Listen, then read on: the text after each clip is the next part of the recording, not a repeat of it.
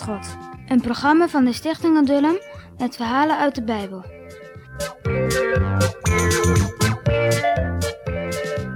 Niet lang nadat de Gibeonieten in vrijheid naar hun stad konden terugkeren, kwamen ze op een dag weer bij Josia. Hun gezichten stonden heel ernstig. Wat is er? vroeg Josia. Wilt u ons alstublieft komen helpen? Onze stad is omringd door soldaten en die willen ons allemaal doden. Nu spraken ze wel de waarheid. Josia luisterde naar hen. Wat moest hij nu doen? Vijf koningen waren met hun soldaten gekomen om de Gibeonieten voor hun overtreding te straffen. Het zijn verraders, zeiden ze boos. Ze hebben vrede gesloten met onze vijanden, de Israëlieten. Toen de Gibeonieten op een morgen wakker werden, zagen ze die soldaten van de machtige koningen al rondom hun stad.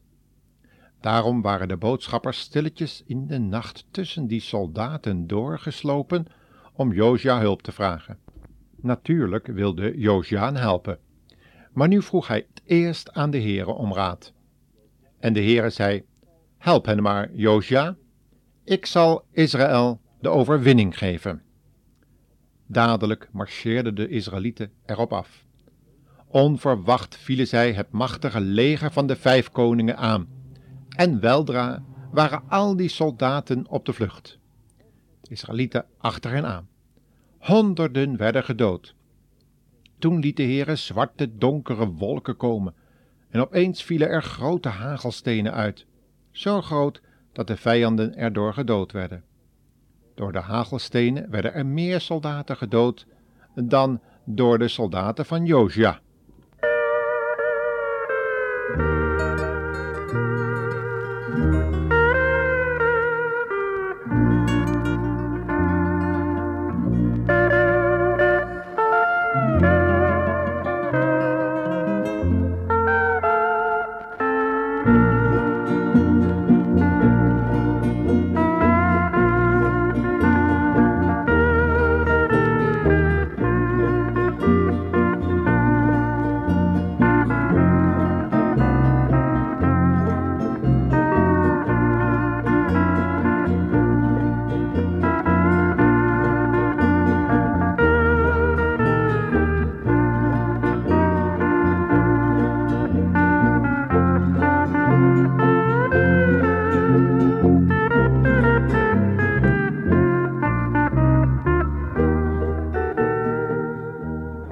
Maar Jozua vond het jammer dat het avond werd.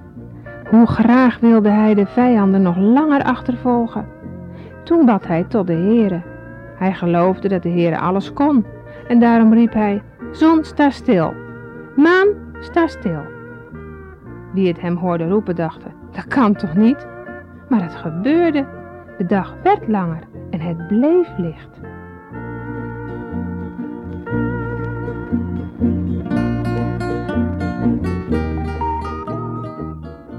De Heere verhoorde het gebed van Jozua.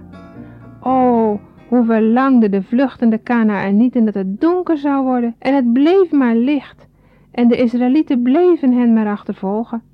Het hele machtige leger werd verslagen. De vijf koningen waren in een spelonk gevlucht, maar ze waren gezien. Jozua liet de ingang dichtmaken met grote stenen. Toen zijn soldaten terugkeerden, liet hij de koningen eruit halen. Ze werden opgehangen. Later werden hun steden verbrand. Nu waren de Gibeonieten bevrijd. In het noorden woonde koning Jabin. Die riep al de andere koningen te hulp. Dat leger was nog machtiger. Samen probeerden ze Israël tegen te houden, met hun paarden en ijzeren strijdwagens. Maar het hielp hen niets. De Heere hielp zijn volk en niemand kan het van de Heere winnen. Ook koning Jabin en zijn helpers werden verslagen en gedood. Nu waren er 31 koningen overwonnen. Het grootste deel van Canaan was nu in het bezit van Israël. Zo vervulde de Heere zijn belofte.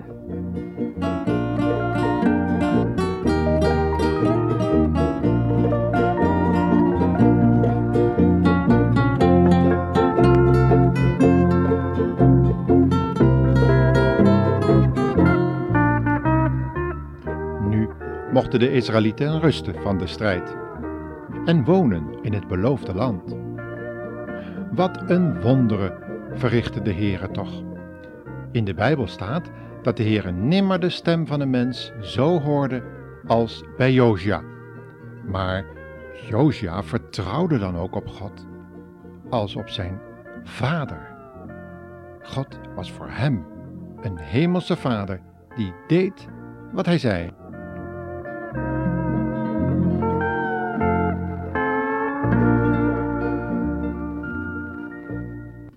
En over dat vertrouwen wil ik je nog iets zeggen. In een school in New York werd een poosje geleden brandalarm geblazen. Alle kinderen werden bang.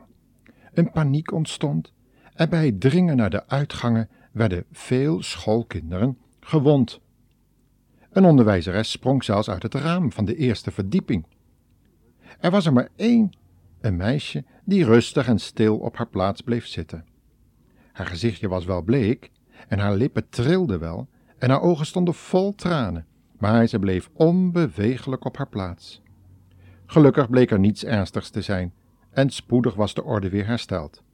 Toen alle leerlingen weer op hun plaats zaten, vroeg men het meisje hoe het toch kwam dat ze bij al die angst en die schrik zo rustig was gebleven. Mijn vader, antwoordde ze. Hij is brandweerman en heeft mij gezegd dat als er eens brandalarm in de school zou komen, ik rustig op mijn plaats moest blijven zitten. Wat had dat kind een groot geloof in wat haar vader gezegd had? En wat vertrouwde ze vast op haar vader? Wij kunnen het ook wel eens moeilijk hebben. Hele erge dingen kunnen gebeuren in ons leven. Maar God is, wanneer wij bekeerd zijn, onze hemelse Vader. Je kunt op Hem vertrouwen. Hij heeft beloofd dat Hij ons zal helpen en dat Hij ons nooit vergeet. Zullen wij dan met een sterk geloof, ook als het moeilijk is, op Hem blijven vertrouwen? Zelfs als het onmogelijk blijkt, net als in dat geval van Josia en die stilstaande zon?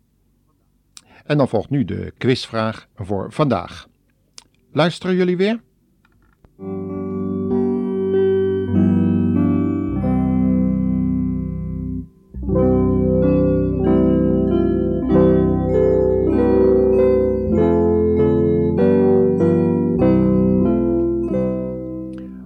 Kwam het dat Josia zo'n groot vertrouwen had? Dus nog een keer, hoe kwam het dat Josia zo'n groot vertrouwen had, dat de zon zelfs stilstond?